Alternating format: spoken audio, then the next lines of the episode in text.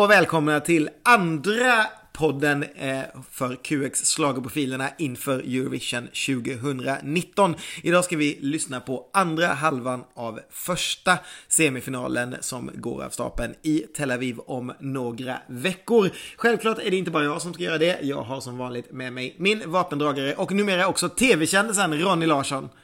Hallå, hallå! Du ska vara glad att jag har tid för det här. Lite för viktig nu. Kommer det bli så här nu att SVT kommer ringa upp efteråt och säga att du måste ge allting 4 plus i det här programmet?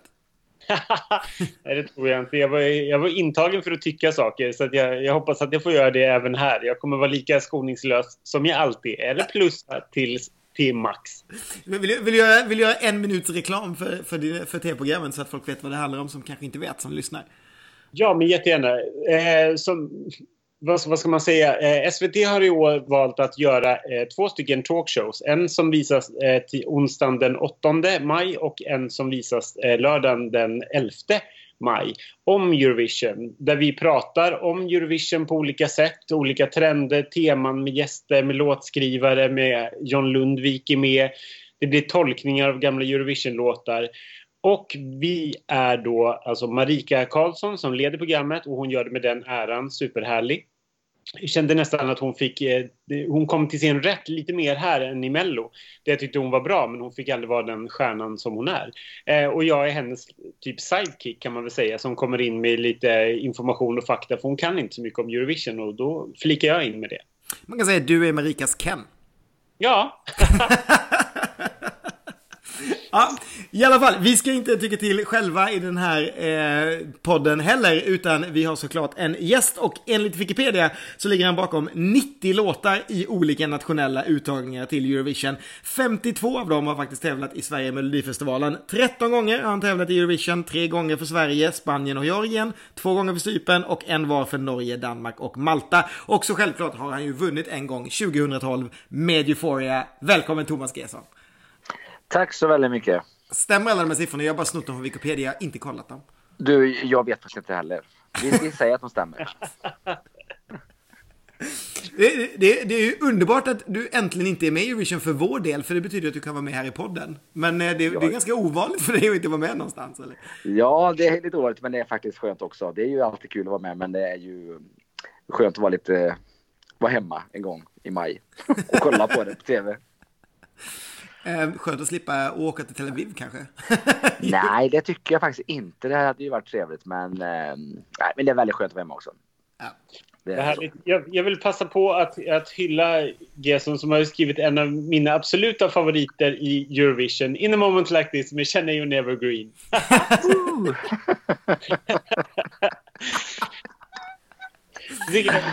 Därför är det extra roligt att, att du är här. Och självklart eh, Quédate conmigo som jag ty också tycker är en fantastisk låt. Så att jag, du är ju en av mina absoluta favoritkompositörer alla kategorier. Nu är jag smart. Ah, tack så mycket.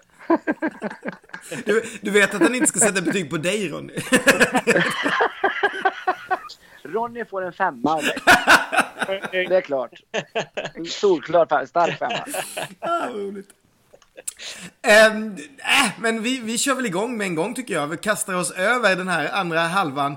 Eh, och vi ska börja med att åka till Belgien. Eh, och här brukar vi alltid rabbla upp då att i Belgien så turas ju två olika tv-bolag om att göra deras uttagning. Eh, ett, eh, den ena är den vallonska delen av Belgien och det andra är då den flamländska delen av Belgien. Eh, det ena bolaget har haft mycket större framgångar än det andra. Eh, ett av dem har nämligen plockat fram både Roberto Bellarosa, Loic Nott och Blanche. Medan det andra har haft det lite, lite svårare. Eh, Lara Tesoro, hon kom på plats 10 i Stockholm. Eh, och det var ju ändå ganska hyfsat, men annars har det varit lite svårare.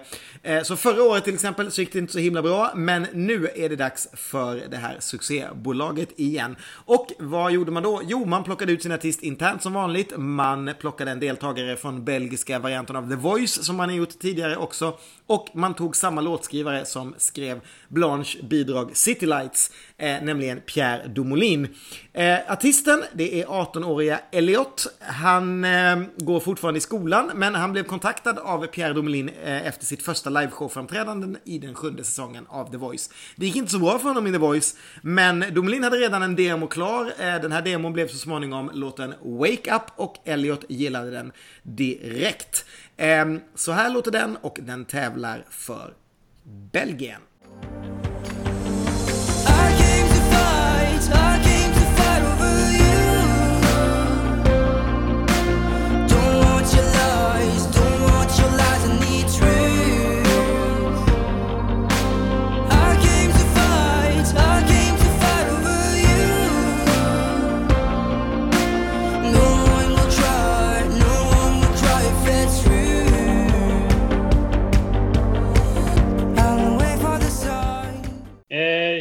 Jag vet inte om det är så bra att jag sätter tonen för det här programmet. Men när jag varit positiv och hyllat Gesson så då kan jag vara lite, lite skeptisk mot det här.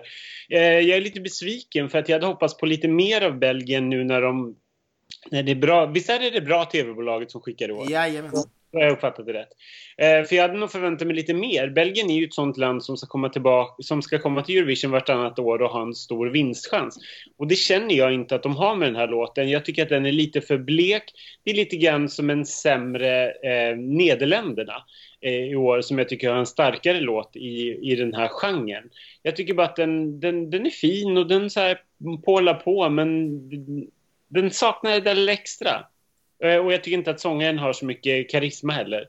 Så jag ger det här tyvärr en, eh, en stark tvåa får det i alla fall.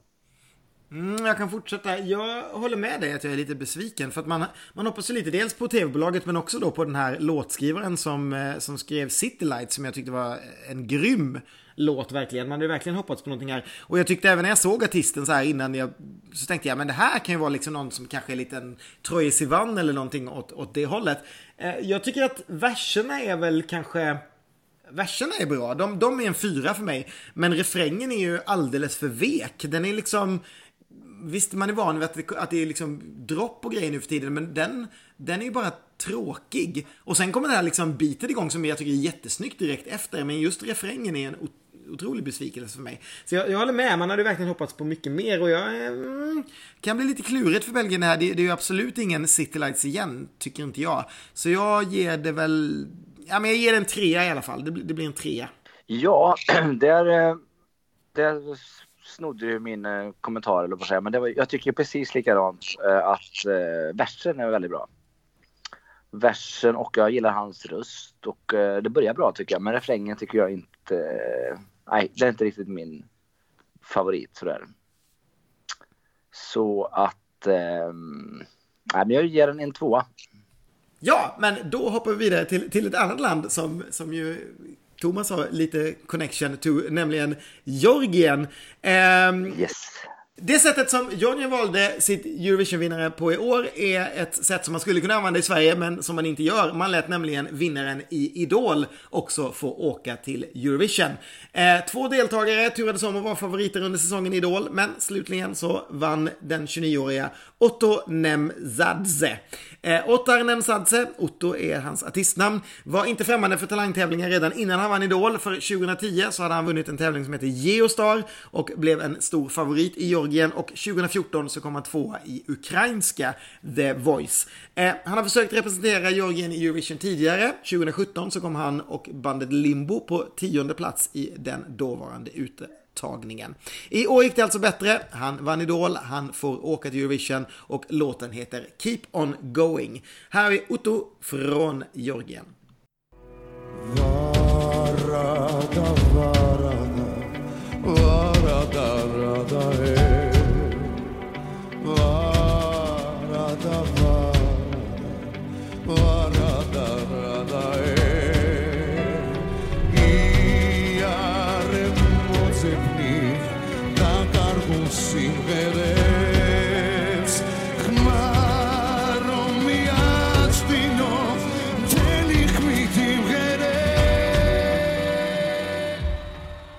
Alltså om det är så här Jörgen låter utan Gerson så kan de ju sluta skicka låtar tycker jag. Gud vad så här överdramatiskt, strukturlöst.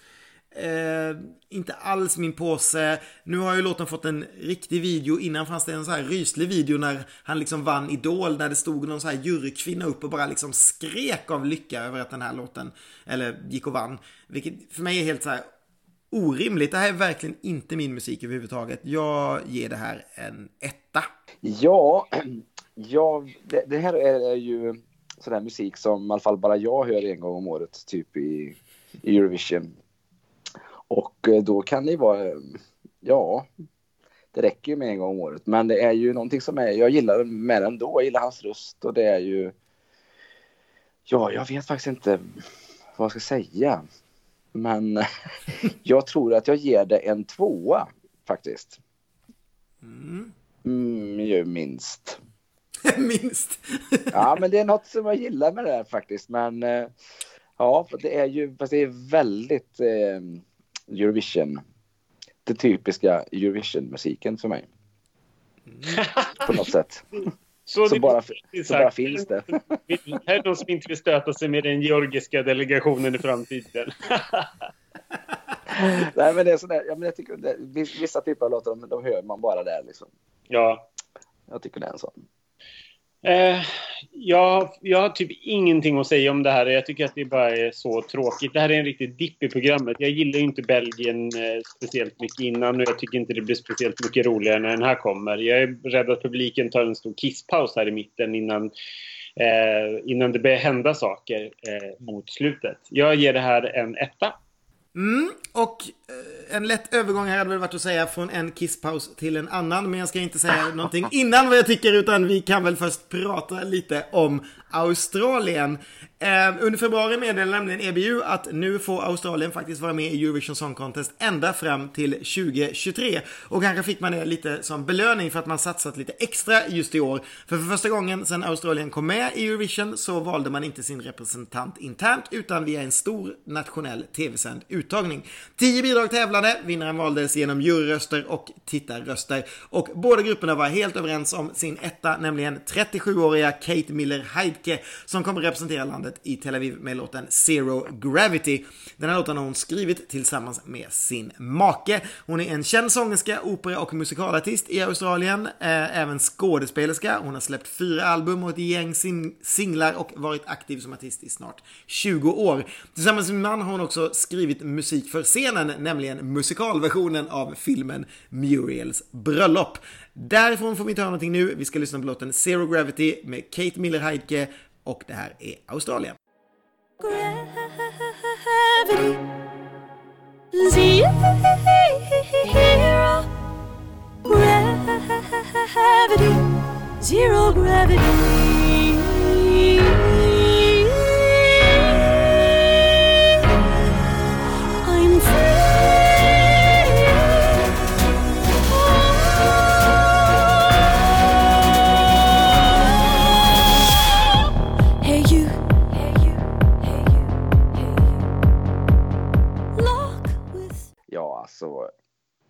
När, när du skickar de här eh, länkarna till mig jag skulle titta på så var jag tvungen att dubbelkolla så att det inte var något fel här. För, här fattar jag faktiskt ingenting, måste jag erkänna. Jag, jag, jag är... Eh, jag får passa på den helt enkelt. Det, det blir en etta. Jag, jag hänger inte med på den. Den är konstig den är konstig. Alltså så här. Jag skulle säga att det är värre än så. För mig är det här en nolla. Det är hittepå, det är trams, det är helt onödigt. Det är... Eh, alltså, jag såg ju den här uttagningen i Australien, eh, för det var mitt under melloturnén. Och det gick ju på dagen då eftersom det är kvällen i Australien. Så vi låg titta lite på den här på något hotellrum. Och jag ska inte säga att det var en superstark final de hade, men nog fanns det låtar som var bättre än det här. För mig är det här så här, när människor som inte vet vad Eurovision är ska liksom försöka hitta på någonting. Det är som, som, precis här som Storbritannien brukar göra. De säger, nej men, och det här är Eurovision. Det är någon kvinna på någon jävla pinne som står och sjunger opera. Och så är det någon annan kvinna på en pinne bakom som gungar. Och så, uh, det är så här, nej fy. Det är liksom, dåligt kan saker vara. Till exempel Georgien tycker jag är dåligt. Men det är ju ändå så här, han tycker väl ändå att det är bra. Han har ju ändå försökt skriva en låt som han tycker är bra, som inte jag tycker är bra. Då, då kan man ju få en etta. Det här är ju fan nej, det här är sämst. Det var en solklar nolla för mig. Jag tror att det här är den låten jag avskyr mest i år. Eh, bara för, för att Australien brukade skicka hits, de brukade skicka bra artister. De brukade, det fanns en mening med att de var med. Nu tycker jag så här, varför har vi lovat dem att vara med till 2023 om de ska skicka det här? Då kan de stanna borta i, i Asien. Nej, det här är så arg på det här. Usch, noll. Ja, jag håller, jag håller väl delvis med kan jag väl säga. Jag, jag tycker däremot att hellre att sånt här är med än tråk som Georgien. För det tycker jag verkligen är tråkigt. Det här tycker jag bara det här är uselt.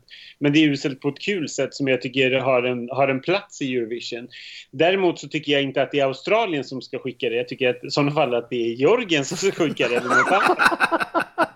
Eh, för det, det är du är inne på, att det är så otroligt poänglöst. Jag förstår fortfarande inte varför Australien är med. Jag har försökt ta reda på det här när jag jobbade med det, med det här SVT-programmet och jag får liksom aldrig något ordentligt svar känns det som. Det, finns, det är liksom så här, ja men EBU tycker att det är kul, EBU tycker att det är så här, ja men de har typ samma kulturella liksom värderingar eller vad det var som vi har, alltså, eller som Europa har. Det är bara så det är så diffust liksom. Så här, men då skulle ju, för de är inte fullvärdiga EBU-medlemmar heller så egentligen skulle ju Japan också kunna vara med.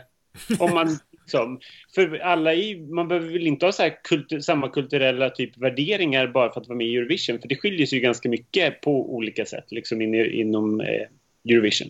Ah, ja, skitsamma, jag behöver inte fastna i det. Jag tycker Australien valde helt fel. Jag tycker det är skittråkigt för att de har alltid valt ganska bra poplåtar eh, som har placerat sig olika bra i, i vet du, i finalen i slutändan. Eh, I år tror jag att de kommer missa finalen för att jag tycker att det här är så beklämmande dåligt. Men det är kul att titta på. Säger det en etta. ja, men, du har ju säkert rätt Jag tror också det kommer missa. Eh, det är bara så så, så dumt. Och faktum är att alltså, Europa gillar ju inte Australien alls. De brukar ju ge dem bottenpoäng. Alltså folk röstar ju inte på Australien hur bra låtarna är. Det är vi i Sverige som brukar rösta på Australien. Men inte så mycket annat. Och det här kommer ju ingen att rösta på. Varför skulle jurygrupper rösta på det här? Varför skulle ens ingen... Ingen kommer att rösta på det här. Usch! Nej, jag är så arg på det här. um, och ja, på tal om arg och på tal om hat. Nu ska vi gå till Island. Um, Island har två semifinaler och en final och uh, vinnarna i de två semifinalerna i år de utkristalliserade sig ganska tidigt som de två stora kandidaterna till segern.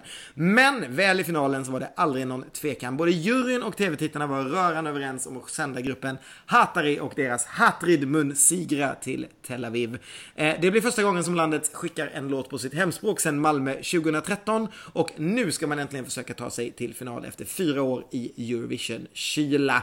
Um, Eh, Hatari kallar sig själva ett polit politiskt multimediaprojekt vars syfte är att belysa det obevekliga utbredda bedrägeriet som vi kallar vardag. De bildades i Reykjavik 2015 av kusinerna Clemens och Mattias. Clemens, han är musiker och designer, han studerar konst på Isländska konsthögskolan och Mattias, han är journalist och pjäsförfattare med en examen i skådespeleri. Den maskerade trummisen, han heter Einar och han är producent och musiktekniker och han kom efter en kort tid också också med i det här kusinbandet. Alla tre killarna de kommer från fina isländska familjer där den ena killens pappa är Islands ambassadör i London medan den andras är chef på utrikesdepartementet.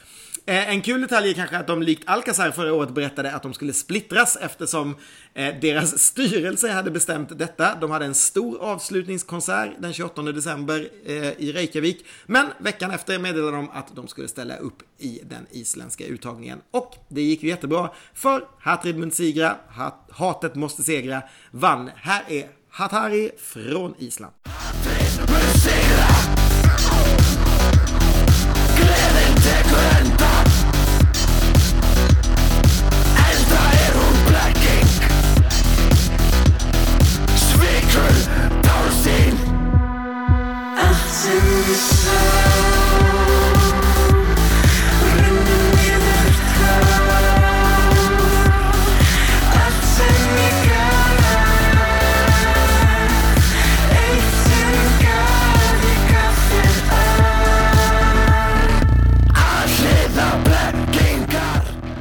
Alltså, jag älskar ju det här.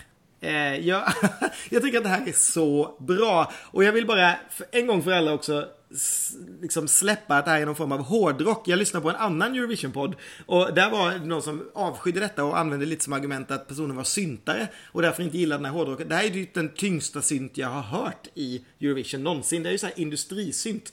Eh, och de kommer för övrigt till en så här tung syntfestival i Göteborg i höst. Så vi kan ju glömma bort att det är hårdrock. Eh, jag tycker bara att det är fullständigt makalöst härligt. Eh, det är annorlunda, det är ändå melodiskt, det har en höjning, vilket jag går igång på i 180. Det är kul att de är så här unga, att de kör BDSM-prylen. Eh, man kan såklart störa sig på det också på något sätt. Jag menar så här konstskoleelever som försöker göra någonting. Men jag köper det liksom med hull och hår. Min enda grej för att det här inte ska funka är väl att de gånger jag har hört dem live så har den här ena killen väldigt, väldigt svårt att hålla den där falsetten som han ju måste sätta, för det är ju själva grejen med refrängen. Men annars så tror jag det här kan gå hur bra som helst. Jag tycker det är så här precis lagom mycket Lordi 2019. Eh, Love It, det är en av mina absoluta favoriter i år. Det får en femma. Mm, Ronny?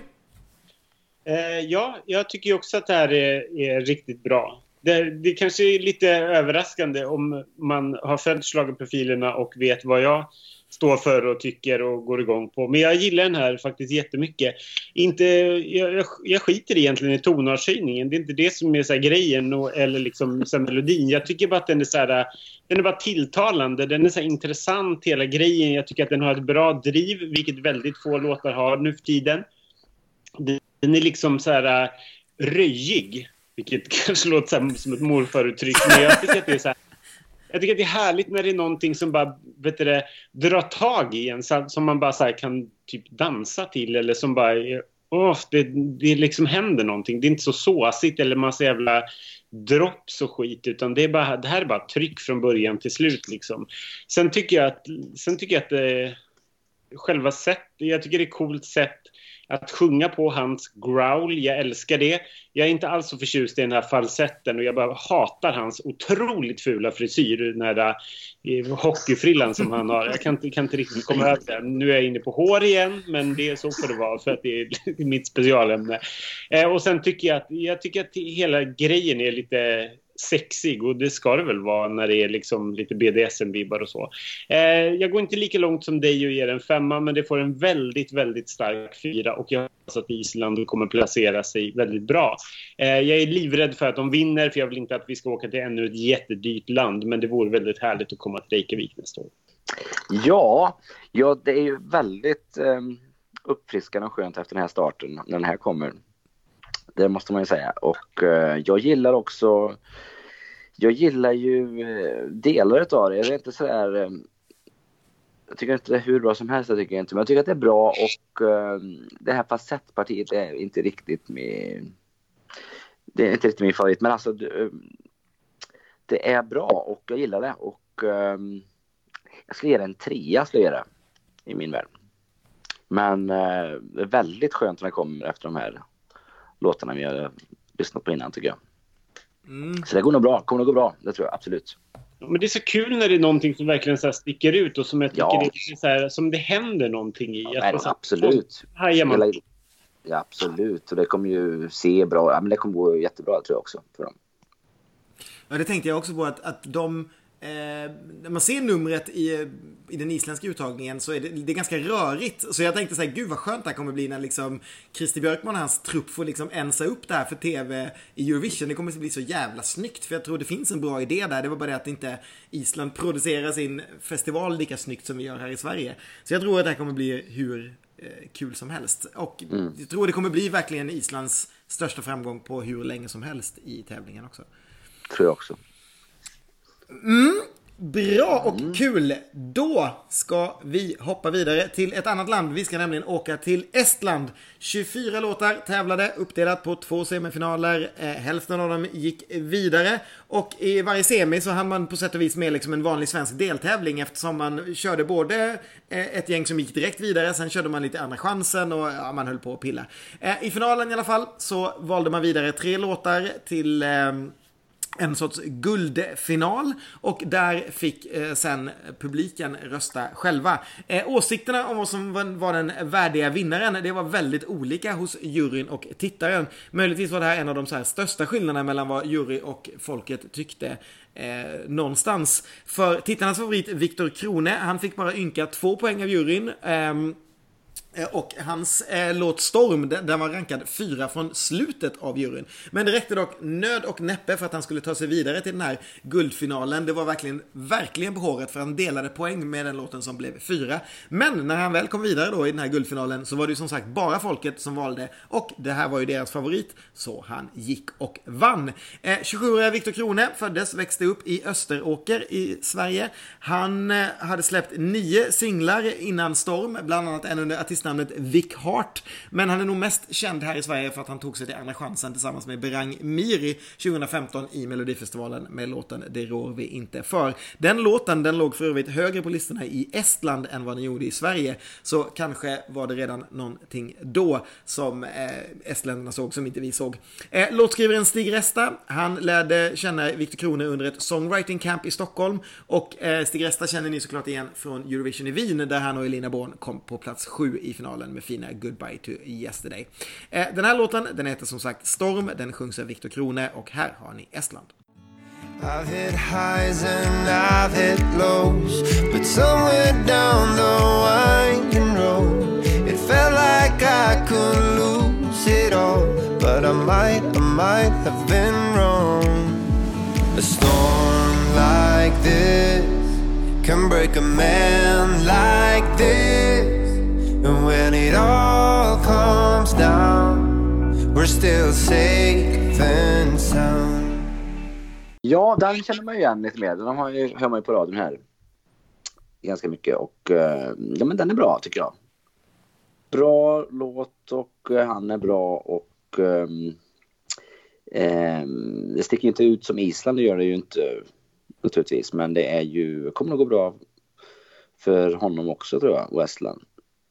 Ehm, ja, jag är ju väldigt sparsam med mina betyg här, men eh, poäng, men eh, det är ju en trea tycker jag. Eh, jag, jag, tycker att den här är bra. Jag, först och främst vill jag ju säga till alla uttagningar där ute i Europa, skrota jurygrupperna.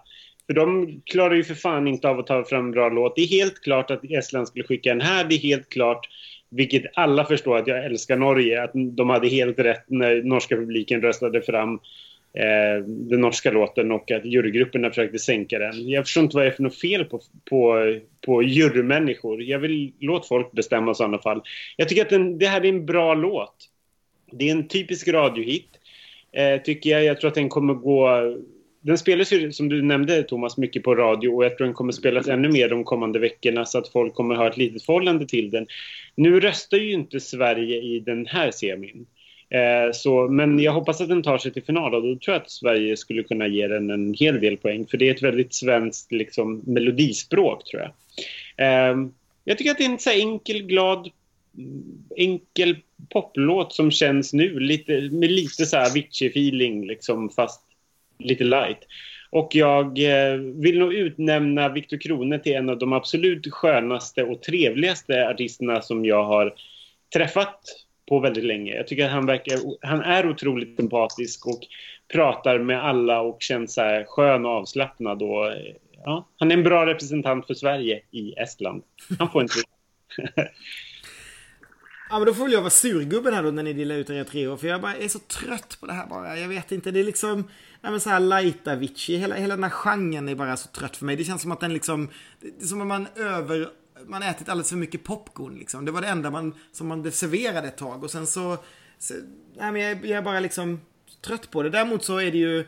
Det är ju så mycket bättre än Finland som skickar någonting i, i samma genre som som det här. Då, då, den här kommer ju äta Finland som vi lyssnade på i förra eh, podden.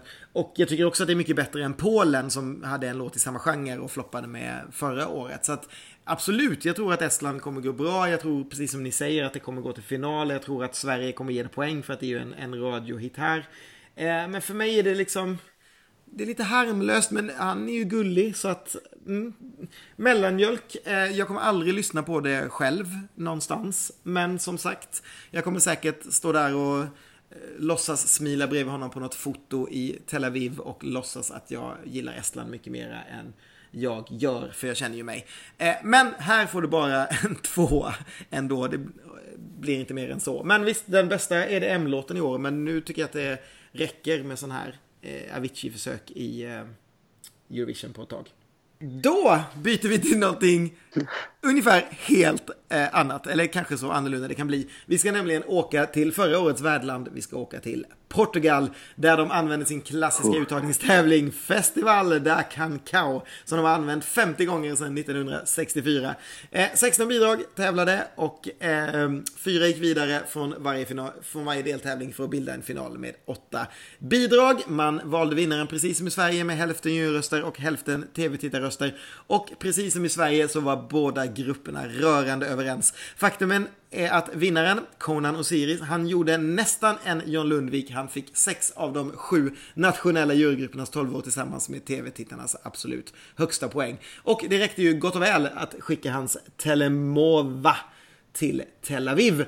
Eh, Conan Osiris, det är artistnamnet på en kille som egentligen heter Tiago Miranda. Han är 30 år och han föddes i Lissabon den 5 januari, vilket är samma dag som eh, Hayao Miyazaki, alltså den japanske animeringsregissören som skrev filmen Future Boy Conan och det var därifrån han tog sitt namn. Eh, Osiris kommer från egyptisk mytologi och från symbolen på återfödelse.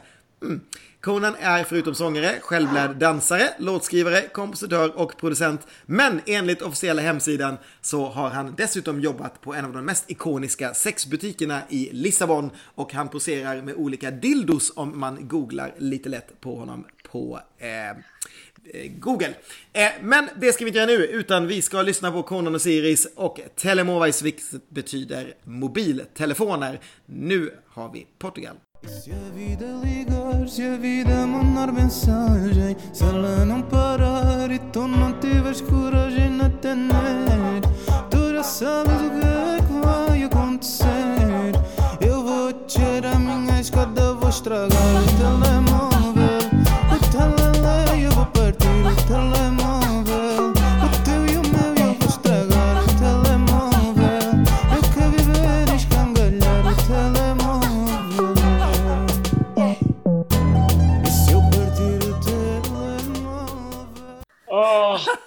han var, jag kan ju börja med att säga att det är bättre än förra året, för då var det ju, då var det tråkigt och dåligt. I år är det ju bara dåligt. Eh, jag blir bara så här, jag vill, på något sätt så vill jag ju ändå ge hatten av att de, Portugal går verkligen sin, verkligen sin egen väg att, att folk ändå röstar fram det här och bara det här är det vi ska skicka till Eurovision, det tycker jag är jättefascinerande. Att det är så här, men det här är, det här är vinnaren.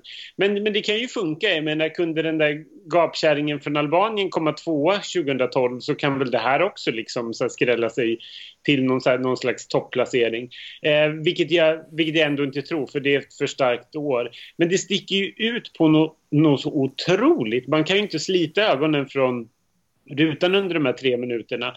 Men jag blir ändå så provocerad över att det är så fruktansvärt pretentiöst med målning i ansikte och ringar och det är bara överkropp och konstiga danser och den här jättemärkliga människan som dansar bredvid honom. Jag blir mest provocerad fast en liten del av mig tycker att så här, fan hatten av Portugal för att ni går er egen väg. Personligen tycker jag att det är riktigt uselt så jag vill ge det en etta. Men jag tycker ändå att så här, fan man ska fan belönas för att man sticker ut och vågar, vågar chansa och gör någonting eget. Så den får en två. Wow. Ja, alltså jag är ganska stum. Jag, jag, jag fattar faktiskt ingenting. Det låter, det låter som det är flera tonarter samtidigt tycker jag. Det är... Ja, det, det, är, ja, det är mest konstigt. Det kanske ser roligt ut, jag har inte kollat så noga, men Alltså Nej, det är ju, kan inte bli mer än etta. Jag, jag, jag, jag fattar inte här heller. Jag erkänner mig besegrad. Nej men, jag, alltså jag håller ju med där. Jag, jag, fattar verkligen inte det heller. Det är så här, alltså jag förstår inte det. Och det är också så fascinerande som du säger Ronny, att det är liksom så här alla urgrupper och folket går ihop och bara, här har vi den.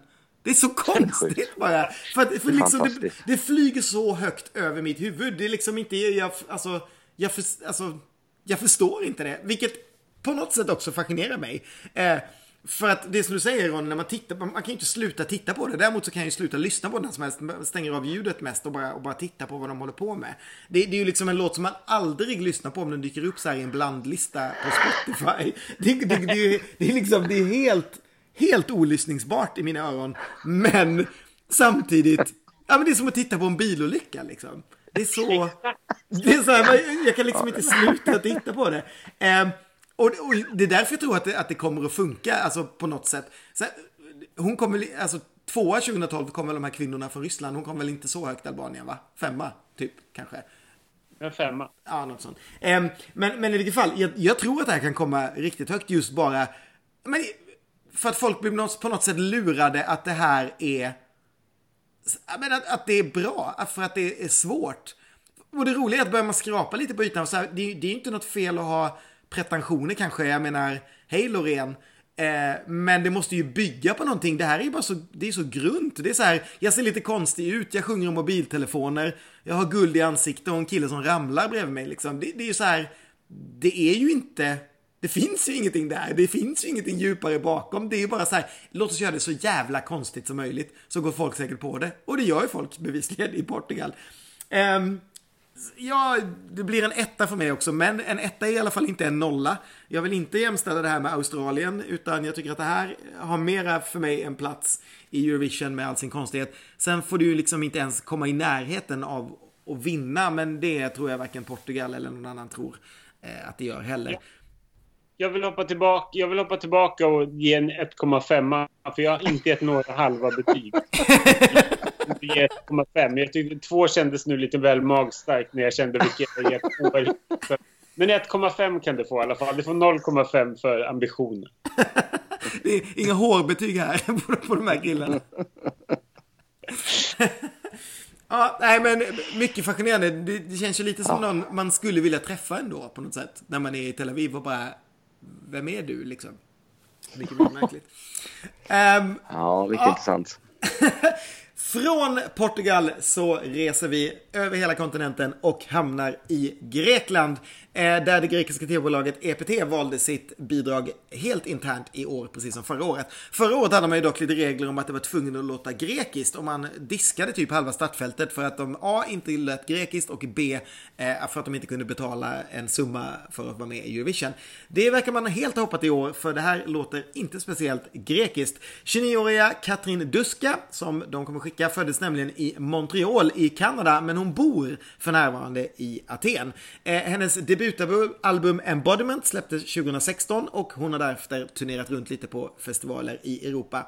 Eh, den brittiska låtskrivaren David Sneddon, han vann den brittiska varianten av Fame Factory 2002 och har efter en kort artistkarriär haft en framgångsrik karriär som låtskrivare till bland annat Hurts, Lana Del Rey, Martin Hackett, Will, Will Young, Nicole Scherzinger och Olly Murs. Och nu då även Catherine Duska med låten Better Love. Här är Grekland. Once bitten, make way and I can't hide it. I won't fight this yearning feeling inside.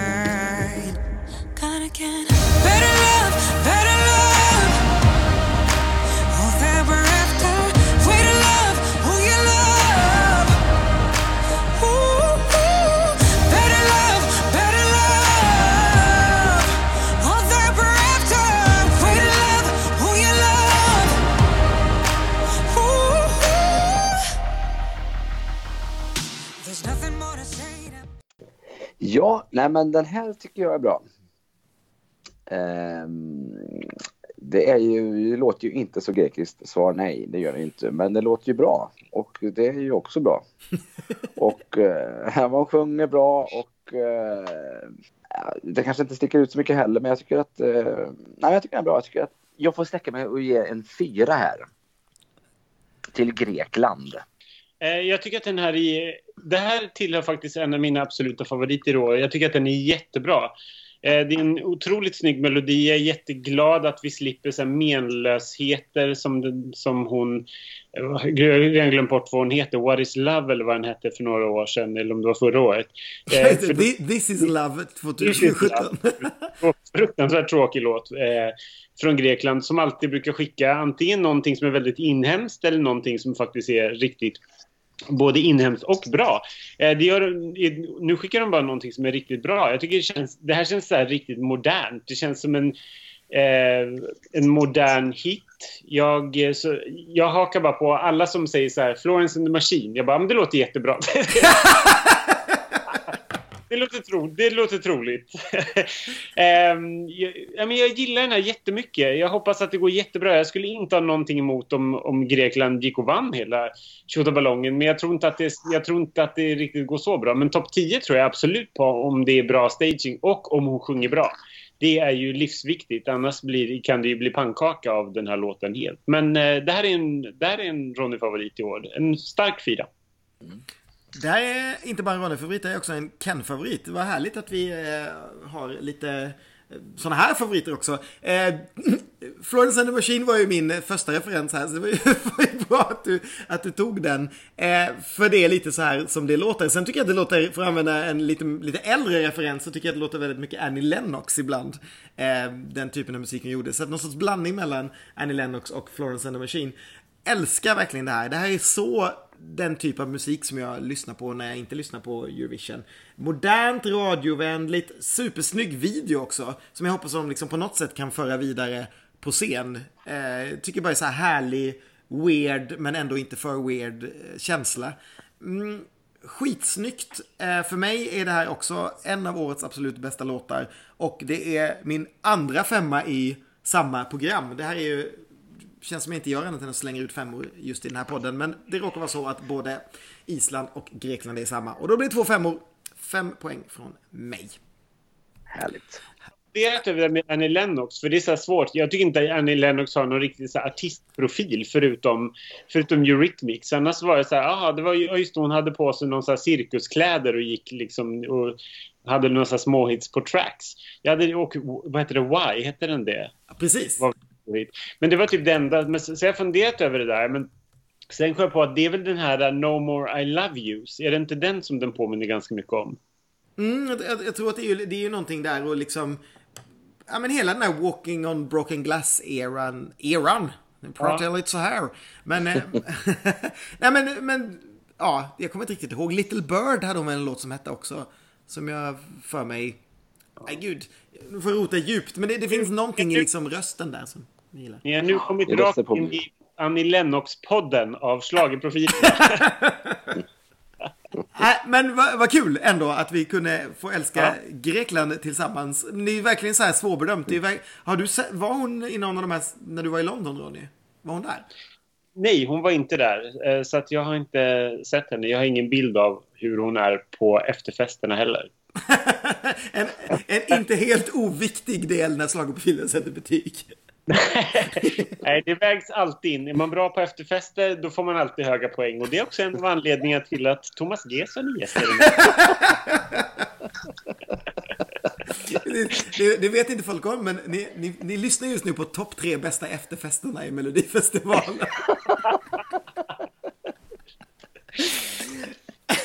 Och det för oss osökt, nej jag vet inte alls, det var en jättedålig övergång. Nu ska vi i alla fall åka till San Marino.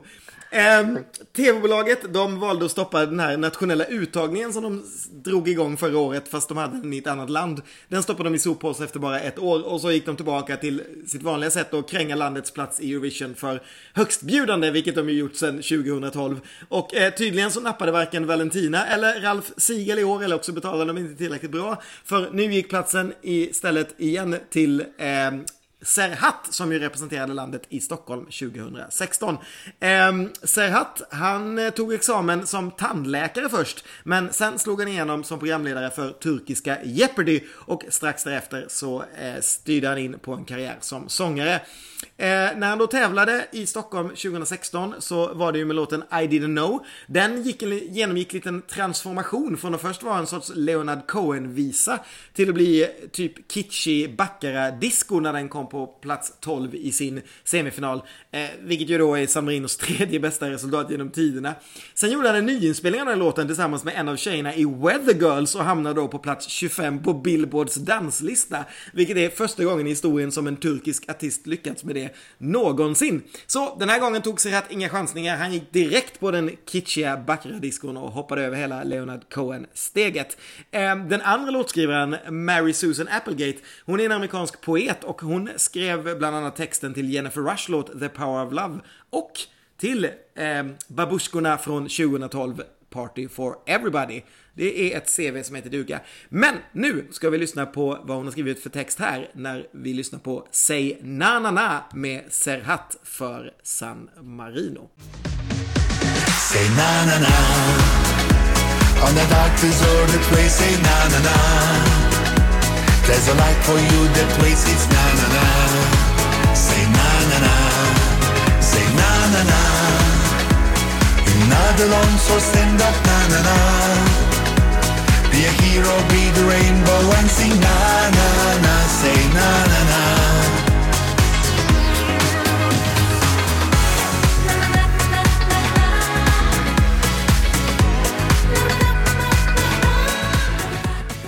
Alltså när, när det börjar den här låten så, så blir jag alltid lite så här glad och fnissig. Det är ju liksom någonting härligt med den där lilla eh, tjejkören. Men nej, sen när liksom Serhat kommer igång så, så tappar jag lite det så här. Jag, jag liksom, det, det, det är lite för B för mig. Det är lite för eh, lite för billigt, lite för bensinmaxbackare, lite för bedrövligt.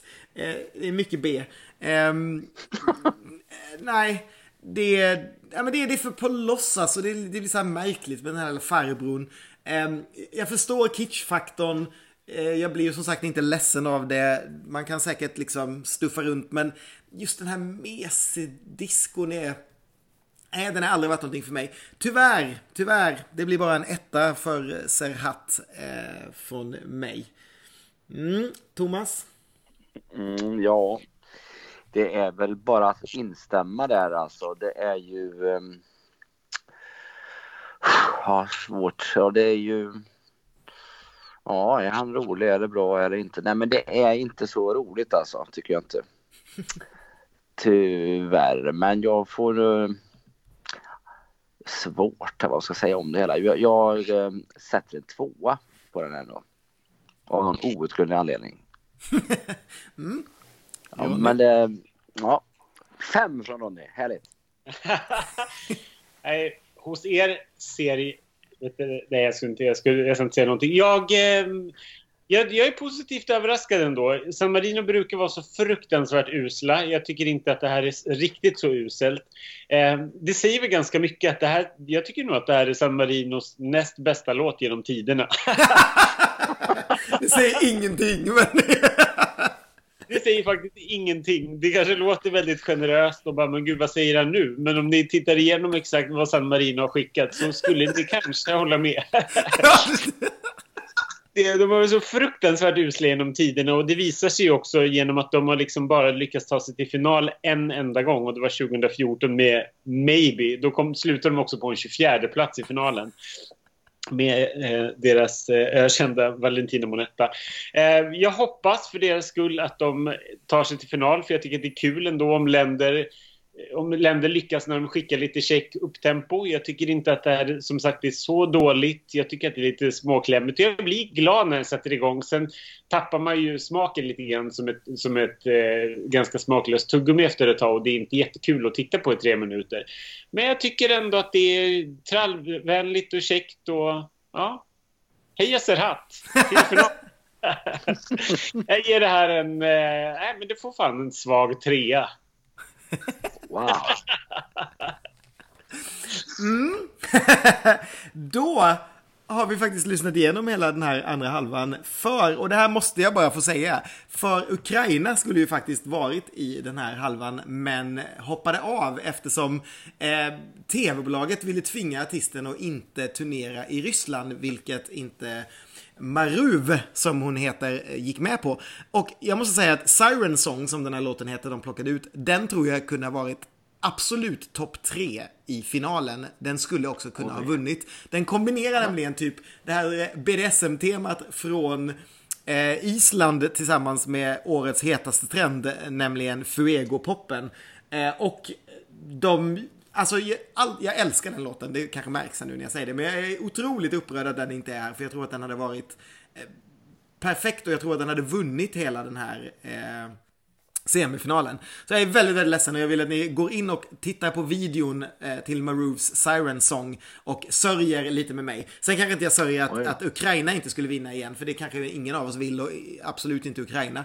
Men jag tycker att det är väldigt trist att de väljer en sån bra låt och sen stoppar den bara för att de har politiska problem eh, i det där landet. Det ska också sägas att de erbjöd resten av startfältet också att åka då när Maroo vägrade, men ingen av artisterna ville skriva på deras fåniga avtal eh, om att man, eh, massa saker man inte fick säga eller man inte fick göra om man tänkte åka. Ja, men vi ska sammanfatta den här deltävlingen och då kan man och då kan man ju kolla, se att vår absoluta favorit i den här deltävlingen var Grekland med Better Love som fick 13 poäng, men att Island kom precis efteråt med 12 poäng. Och sen på delad tredjeplats så hittar vi Belgien och Estland. Vad tror ni, kommer alla de fyra vara i final? Det, det är ju svårt att veta. Jag har ingen koll på vilka, de, vilka som är med i övrigt i deltävlingen så det är ju svårt. Men eh, ja, kanske ja. ja Grekland är ju i final. Mm. Vad, sa, vad sa du med Island är i final tror jag också. Ja. Och sen Estland klart. och Belgien hade vi också. Estland och Belgien, ja men det tror jag nog. eh, Belgien är lite svårtippat. Mm. Jag tänker det också. Belgien är det svåra kortet här. Det, det kan nog Ja. gå lite hur som helst. Den hänger så- precis utanför. Liksom. Den, Mm. det, det som jag sa tidigare, att det blir väldigt svårt att... eh, Det, det, finns all, det finns några väldigt tydliga finalister tycker jag i båda semifinalerna och så finns det några som är så här, men det handlar ex, extremt mycket om hur det ser ut på scen och hur de låter live liksom. Det är det som Mm. avgör det och det, det vet vi inte än när vi inte har sett liksom, repetitionerna.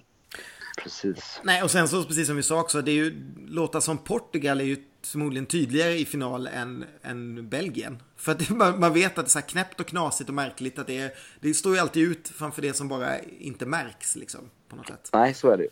Så brukar det faktiskt vara. Så, så är det. Och eh, om ni går in i bloggen och tittar så kommer ni dessutom hitta en sammanställning på vilka eh, tio låtar som vi i de här två första poddarna har röstat fram att gå vidare till finalen. Jag är, jag är lite nyfiken här, eh, Gesson med all sin eh, Eurovision-vana. Du har ju skickat in så otroligt mycket låtar genom åren till olika uttagningar. Eh, och det är ju svårt för dig att komma ihåg såklart allihopa, vilket jag vet för det har vi pratat om att du kanske inte har koll på exakt allt. Men finns det någon låt som du minns som, som sticker ut som du är besviken över att den aldrig vann den nationella uttagningen som du gärna hade sett i Eurovision? Utan att bli bort ifrån Sverige. Ja, vi hade ju en låt eh, med, hon hette Coral i Spanien. Den het, en una vida hette låten. Jag älskar den. Så himla bra. Den, hade, eh, den, den kom i tvåa. Den skulle ju varit kul att pröva tycker jag. Den där hade passat i, i Eurovision-formatet tror jag bra på den tiden. Mm. Det, det, det måste vara jobbigt å ena sidan att, att en sån låt eh, missar att ta sig till Eurovision och sen så får man åka till Eurovision med Guri Shanke och Amigo. Ja, det, det, det är ju så det är. Men eh, Ja. hur, eh, hade, du, har, hade du skrivit någonting som inte har eh, som liksom inte har gått vidare eller som inte har kommit till Eurovision i år? Förutom Sverige. Du, eh, nu låter det konstigt, får jag tänka här. Nej, men nej, det var inga... Jag var inte med någonstans, nej. Det, det, det är som säger att ni vet det bättre, men det var jag ju inte. Nej. Det Nej, det, sånt. det låter inte bekant. Nej. nej, det var inga... inga. Men Jag brukar, det brukar ju ofta, oftast nu för tiden är att jag får någon fråga och att man ska man får frågan att, att skicka in eller, eller hjälpa till och skriva till någon artist. Det är, det är inte så ofta jag skickar runt så att det är så mycket uttagningar så då ehm, det är väl mest så att det var inget som ehm, som dök upp i, eh, i år här. Mm. Hur, eh, vi, har, vi har haft några andra artister, som, eller några artister som har varit med och eh, tyckt till om Melodifestivalen. I, eh, eller vi har haft en, en annan artist som har varit med och tyckt till om, om som har varit med i Melodifestivalen i år. Och då, jag måste ju fråga dig som, som hade ett gäng låtar med. Hur, vad tyckte du om årets Melodifestival? Hur, hur liksom sammanfattar du din upplevelse? Nej men i år var det väl en jättebra festival. Mm. Så, så tycker jag, kände jag i alla fall att det var både låtar och eh, programmet i sig och allting var ju ett väldigt fall framåt från förra året. Så det känns skitbra tycker jag. Det, Mm. det är verkligen så mm, vad jag tycker att eh, när man summerar året. Blir man pepp då och skriver liksom låt, mera låtar till nästa år? Eller har det egentligen ingen betydelse? Det, det liksom märker man efterhand bara? Nej, det har väl ingen betydelse men alltså, det är ju roligare om man, om man har en bra tävling i, i, som, som senaste som man kommer ihåg. Det är ju naturligtvis roligare Mm. än om det var om man tycker att det var kass. Det jag måste ju säga också att det blir svårare och svårare att, singla ut så här, vad en Gesson-låt är. För tio år sedan så kanske det var lättare att man bara ah, där är Thomas Gesson. Det är klart att det är han som har skrivit den här. Men om man tar de, alltså, de, senaste, de senaste två åren, bara i år så hade du, var du med och hade liksom skrivit Somebody Wants med The Lovers of Aldar och Ashes to Ashes med Anna Bergendahl, Hello med Mohombi, Mina Bränder med Anis Don Demina och Oceana och sen Nano Chasing Rivers. Eh, Så det är, det är väldigt, det är väldigt så här spretig liksom, mix.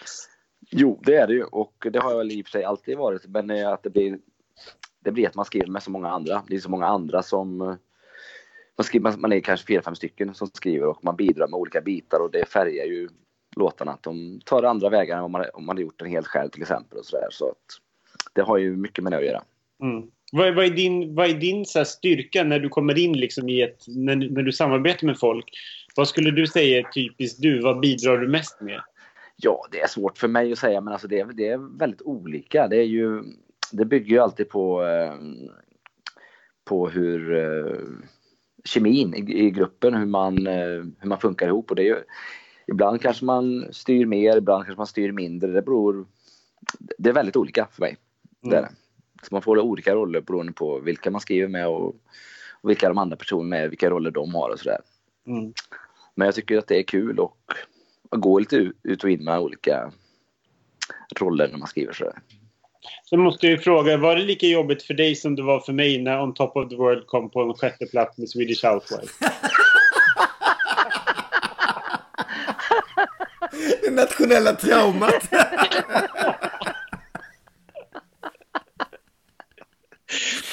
Nej, det, var, det var jobbigt att se dig var det förstås, men annars så var det lite mycket jobb för mig. Åh, vad roligt. Ja. Den ska alltid med, Top of the World. Det är bra. Ja, den ska alltid klämmas in på ett eller annat. Nej, men eh, jättekul att du var med. Det var som Ken sa, att det var jätteroligt att du inte är med i Eurovision för vår skull. För det, var, det är kul att höra dig tycka till om låtarna. Liksom. Ja, det var bra. Det var roligt att vara med och jag fick ju väldigt mycket information här. Det var som ett, som ett utbildningsprogram. Lärde mig väldigt mycket om låtar här och länder. Och, ja, mycket Också- intressant. Väldigt härlig podd du var med. Jag förstår verkligen det där du sa, att, man, att du inte riktigt visste om det här var rätt låt vi hade skickat eller inte. För det, det, den här samlingen med liksom Portugal och eh, Ja, Island Australien. och, och eh, Australien, den är, den är ju lite speciell den här halvan. Ja, den är... Det var, ja, det var stökigt där. Jag vet inte faktiskt vad det var första gången. Så vänjer man sig lite mer klart. Men Underbart var det i alla fall. Eh, tack så hemskt mycket och tack alla ni som har lyssnat på programmet. Nästa vecka blir det slut på det roliga, höll jag på att säga. Nästa vecka ska vi gå in i Sveriges semifinal och lyssna vad det är som kanske, kanske kan bråka med John Lundvik. Eh, självklart kommer vi ha med en annan gäst då. Vem det är, det vet inte ni, det vet inte vi heller. Men ni får reda på det om ni lyssnar då. Ha det bra, ha det gott, hej då! Hej då! hej då!